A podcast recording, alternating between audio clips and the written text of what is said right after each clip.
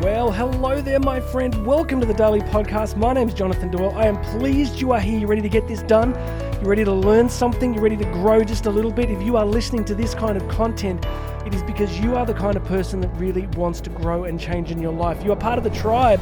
I, uh, I was filling out a, a business uh, thing yesterday, working with a really good copywriter and you know the question was what sort of people do you like to work with and i said i just love working with people that want to grow i do not want to be in rooms with people that just want to stay the same so welcome aboard today i want to talk to you about the power of patterns. This is a big topic, but I just want to introduce it to you, and maybe we'll keep talking about it in future episodes.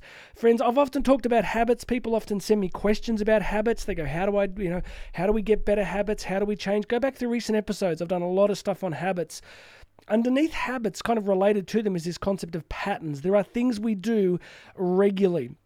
They're different to patterns in that they're kind of more uh, different to habits in that they're sort of more overarching. They're ways of responding and reacting to life. They're kind of the emotional response patterns that we bring to specific things in life. So you might be faced with a challenge, and your pattern might be, oh, this is overwhelming. And you might immediately draw on times that you failed, or your pattern might be, oh, I love challenges, and you'll run that pattern.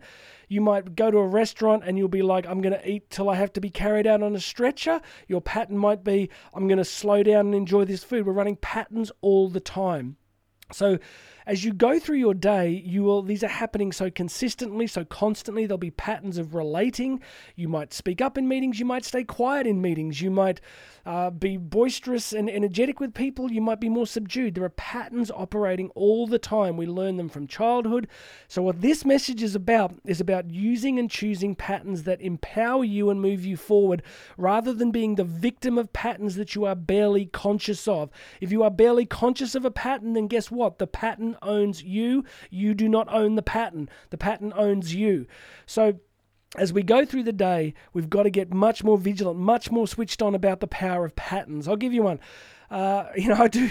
I live a pretty crazy life, right? So I try. Most days start for me about 4 a.m. and I'm like, you know, I get up and I have a coffee and I and I have time for prayer and meditation, and then I'm straight on the trainer bike, and then I'm in the gym, and you know, even the last few days, I'm like, oh, you know, I'm waking up, I'm I'm tired because I'm physically tired from training so much, and and then I'm kind of like, but I'm noticing that if I just bypass the internal dialogue and just start the training session within a short space of time, I'm pumped. I'm ready to go again. I'm back in the game. So I'm noticing this pattern that's kind of slightly self defeating, but if I just push through it, then the, the new pattern is that I get energized and pumped from just committing to what I said I was going to do. Now, I know some people are like, oh, but you can push yourself too hard. Well, that's a risk I'm prepared to take. You know, I, I would rather flame out like a comet on the journey of life than kind of end up in an armchair whimpering my way, slowly shuffling to the grave.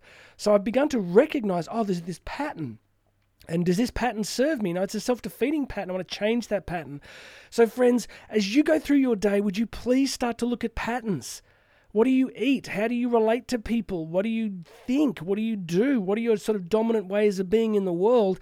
And if you can identify the ones that are not serving you, how can you shift that pattern?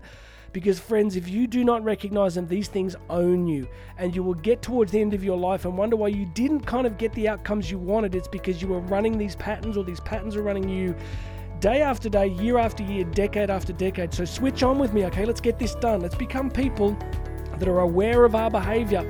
We are aware of our outcomes. We know what we want. We need to look at the behaviors and begin to shift them. So let's get this done. Please make sure you subscribe to the podcast. Go and check out the links. You can book me to speak live. My name is Jonathan Doyle. This has been the Daily Message.